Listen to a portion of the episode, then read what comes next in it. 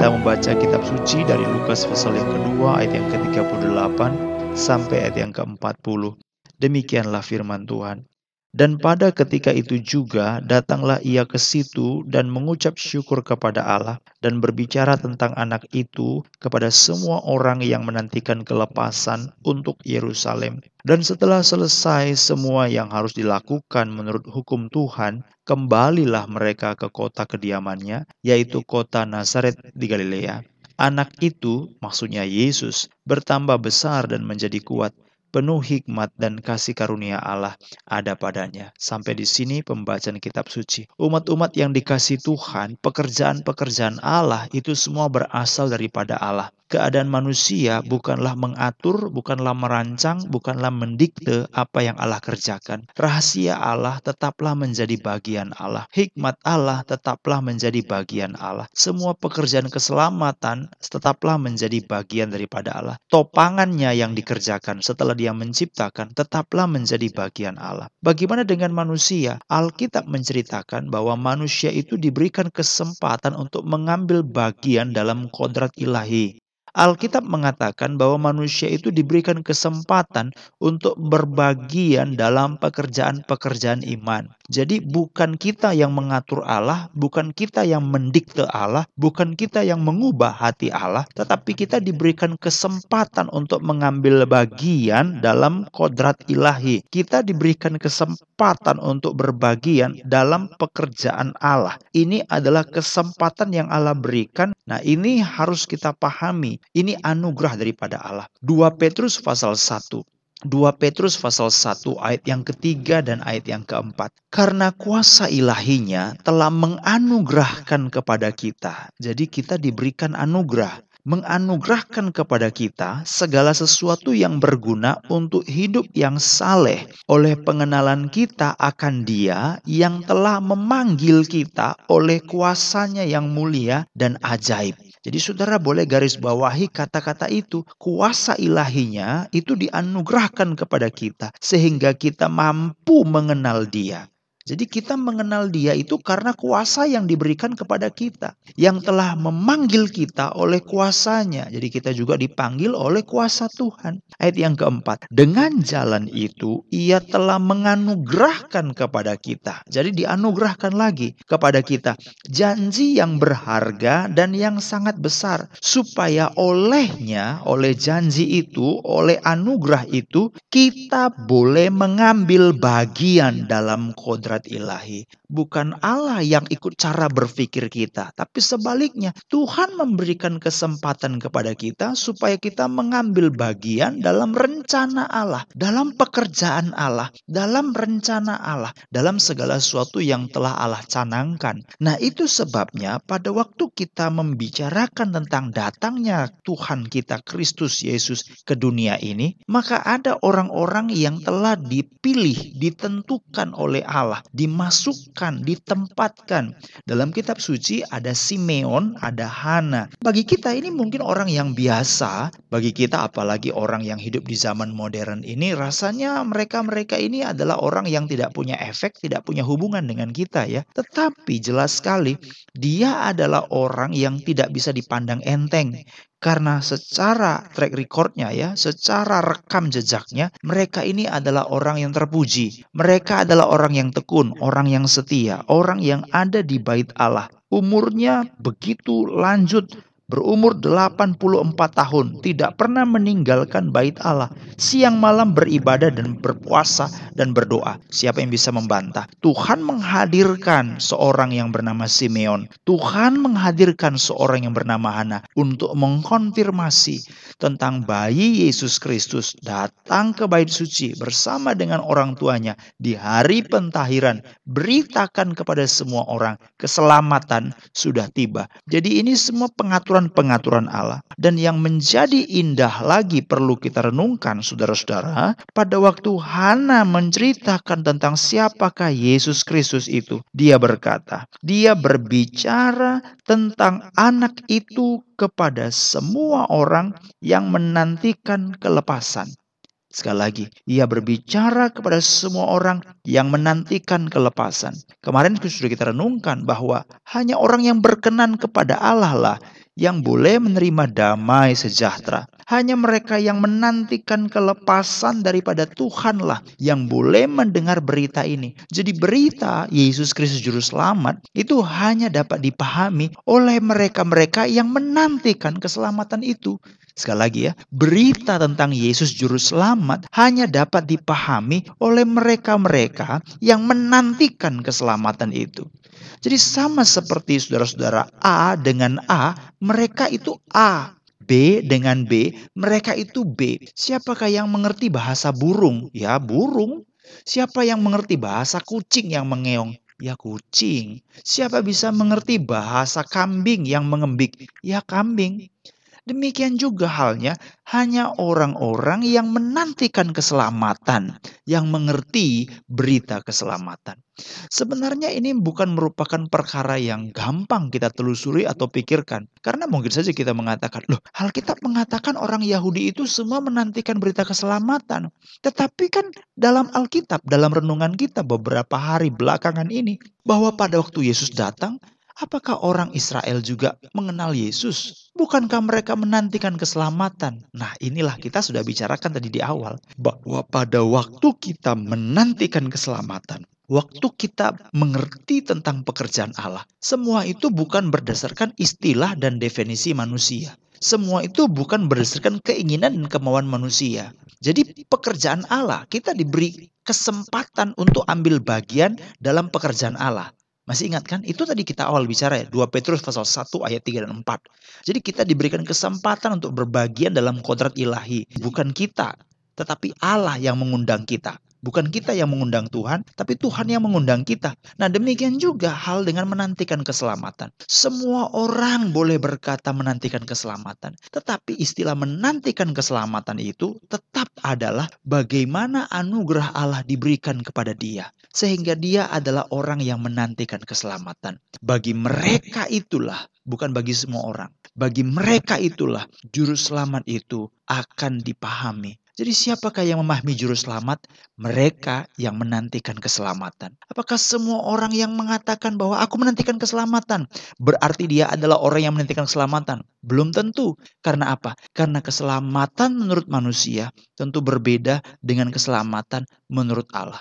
Nah inilah saudara-saudara hal yang sangat penting sekali. Kalau kita baca dalam Lukas pasal yang ke-15, kita menemukan suatu perumpamaan yang dikatakan Tuhan Yesus tentang anak yang hilang. Dua di situ disebut anak yang bungsu dan anak yang sulung. Kalau kita membaca cerita itu, saya yakin saudara juga punya pemikiran yang sama bahwa pada waktu kita membaca berita itu, sekarang kita tanya, anak yang hilang itu mana? Anak yang bungsu yang minta harta orang tuanya waktu ayahnya masih hidup, lalu menjual semua bagiannya, lalu pergi ke negeri yang jauh, dia memboroskan dan memfoya-foyakan, lalu sampai dia bottom jatuh ke titik nadir, tempat yang paling dalam, dan dia berada pada suatu keadaan yang sangat bangkrut, lalu dia ingin kembali.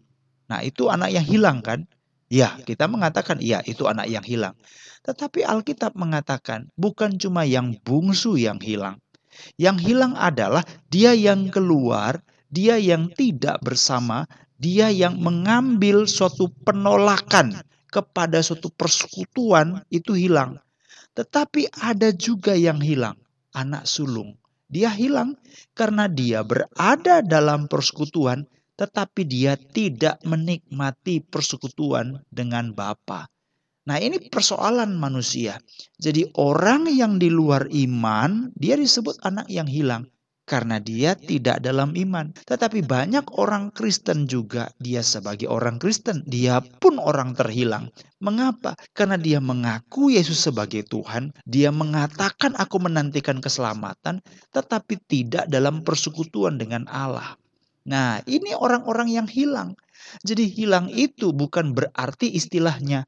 Hilang itu bukan berarti fakta saja. Tapi hilang itu adalah berdasarkan iman dalam pandangan Allah. Banyak orang berseru, Tuhan, Tuhan. Tapi Alkitab mengatakan, aku tidak mengenal engkau. Engkau pembuat kejahatan. Siapakah yang menantikan keselamatan? Hanya mereka yang dianugerahi oleh Tuhan. Siapakah yang menerima dan mengerti bahwa Yesus Juru Selamat? adalah mereka-mereka yang menantikan keselamatan. A dengan A, B dengan B. Siapakah yang mengerti, memahami bahwa Yesus adalah juru selamat? Mereka yang menantikan juru selamat, yang menantikan keselamatan. Tetapi yang kedua, siapakah yang menantikan keselamatan? Merekalah yang dianugerahi oleh Allah mereka yang diundang ke dalam perjamuan itu, merekalah yang mengerti. Mereka yang diundang ke dalam perjamuan itu, mereka yang mengerti. Bahkan lebih spesifik lagi dalam apa yang dikatakan Tuhan Yesus, saudara-saudara. Bukan hanya mereka yang diundang, tapi mereka yang berpakaian pesta mereka yang berpakaian pesta. Ini merupakan apa yang dikatakan Tuhan Yesus. Matius pasal yang ke-22 ayat yang ke-10. Ayat yang ke-22 ayat 10. Matius 22. Maka pergilah hamba-hamba itu dan mereka mengumpulkan semua orang yang dijumpainya di jalan-jalan. Orang-orang jahat, orang-orang baik. Sehingga penuhlah ruangan perjamuan kawin itu dengan tamu diundang toh karena Alkitab mengatakan pergilah ke jalan-jalan pergilah ke persimpangan undanglah setiap orang undanglah semua orang yang kamu jumpai di sana maka pergilah mereka kumpulkan semua orang dan kita diundang. Tetapi Alkitab mengatakan juga seperti ini. Matius 22 ayat 11. Ketika raja itu masuk untuk bertemu dengan tamu-tamu itu, ia melihat seorang yang tidak berpakaian pesta. Saudara diundang, tapi saudara tidak memakai pakaian yang disediakan. Saudara berbahaya. Ayat yang ke-12, ia berkata kepadanya, "Hai saudara, bagaimana engkau masuk kemari dengan tidak mengena pakaian pesta? Bagaimana engkau masuk kemari dengan tidak menggunakan pakaian pesta?" And he was speechless. Dan dia diam, tidak bisa berkata apa-apa. Mengapa? Karena dari awal kisah ini semuanya telah disediakan. Makanan sudah disediakan. Hidangan sudah disediakan. Engkau bukan karena layak maka engkau diundang. Karena kemurahan hati dari empunya pesta maka engkau diundang. Dan pada waktu engkau masuk, engkau pun telah disediakan pakaian pesta. Tapi kenapa semua yang disediakan engkau tidak ambil? Pada waktu kita menceritakan tentang Yesus yang datang ke dunia, semua orang boleh ngaku Yesus juru selamat, Yesus juru selamat. Betulkah demikian? Tanda tanya, tetap tanda tanya. Dia boleh berkata, aku menantikan juru selamat, tapi hidupnya kacau balau. Tapi hidupnya tidak mau diatur oleh kebenaran. Tapi hidupnya tidak mau terus-menerus diperbaiki untuk takut akan Tuhan. Ini berbahaya. Ini orang penuh dengan tanda tanya. Hana menyampaikan suatu berita, berbicara tentang anak itu kepada semua orang. Orang sembarangan tidak, hanya orang yang menantikan kelepasan untuk Yerusalem. Jadi renungan kita pagi ini yang pertama, kepada siapakah? Mereka siapakah? Orang bagaimanakah yang mengerti, memahami, menerima bahwa Yesus juru selamat, yaitu orang-orang yang menantikan keselamatan. Yang kedua, siapakah orang yang menantikan keselamatan? Adalah mereka yang diberikan anugerah oleh Allah. Menerima kesempatan itu dengan iman. Orang yang diundang dan mengenakan pakaian pesta. Saudara, siapakah ciri-ciri orang-orang seperti ini? Hanya orang-orang yang memahami apa yang Allah sediakan. Ada begitu banyak yang Allah sediakan, tapi kita tidak memiliki kepekaan untuk itu. Kita berbicara, marilah kita menjadi orang yang peka, menjadi orang yang mengerti bahwa hanya oleh apa yang Allah sediakan kita boleh tanggap, kita boleh peka, kita boleh mengerti. Itulah juga yang menjadi ciri-ciri, menjadi ciri-ciri apakah yang disediakan oleh Allah. Itulah merupakan ciri daripada orang-orang yang diselamatkan, orang-orang yang menerima anugerah, orang-orang yang mengerti apa yang Allah kerjakan. 1 Korintus pasal yang kedua ayat yang ke-7. Tetapi yang kami beritakan ialah hikmat Allah yang tersembunyi dan rahasia.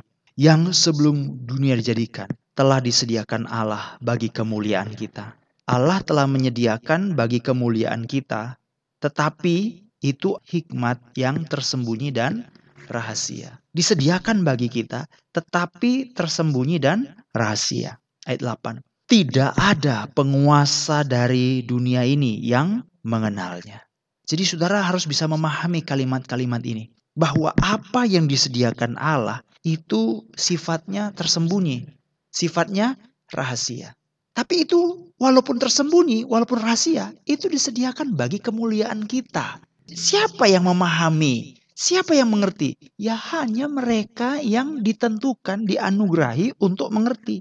Itu sebabnya dunia tidak mengenalnya, saudara-saudara. Dunia tidak mengenalnya. Tapi kita mengenalnya. Karena apa? Karena kepada kitalah semua itu telah disediakan. Bukankah kita bersyukur kita memahami apa yang Allah beri kepada kita. Ini merupakan suatu hal yang indah, saudara-saudara. 1 Korintus pasal yang kedua, ayat yang ke-14. 1 Korintus pasal yang kedua, ayat 14. Tetapi manusia duniawi tidak menerima apa yang berasal dari roh Allah. Mengapa? Karena hal itu bagi mereka adalah suatu kebodohan. Dan ia tidak dapat memahaminya sebab hal itu hanya dapat dinilai secara rohani. Tetapi manusia rohani menilai segala sesuatu, ia sendiri tidak dinilai oleh orang lain. Ayat 16. Sebab siapakah yang dapat mengetahui pikiran Tuhan sehingga ia dapat menasihati dia? Tetapi kami memiliki pikiran Kristus. Itu misteri yang disembunyi, yang dirahasia. Tapi itu disediakan Allah bagi kita.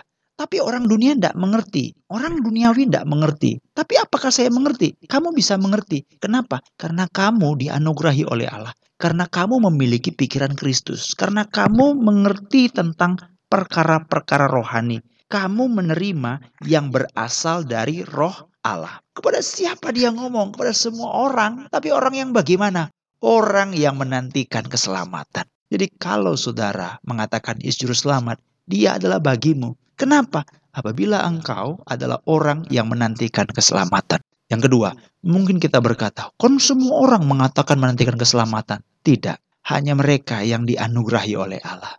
Hanya mereka yang mengerti perkara-perkara rohani. Mereka lah yang mengerti keselamatan. Pandemi terjadi dan terjadi dengan varian baru, varian baru. Orang dunia itu tidak ngerti. Dia pikir ini hanya fenomena alam. Dia berpikir ini hanya perkara yang natural. Dia berpikir ini adalah konsekuensi logis. Tapi anak Tuhan mengerti. Di balik segala peristiwa selalu ada pekerjaan-pekerjaan rohani. Sekarang saya mau tanya, apakah saudara mengerti? Kalau saudara belum mengerti, saya ragu. Saudara adalah orang yang menerima anugerah itu. Tapi kalau saudara mengerti Tuhan mau kerja sesuatu, maka saudara adalah yang dianugerahi oleh Allah. Biarlah Tuhan menolong dan memimpin kita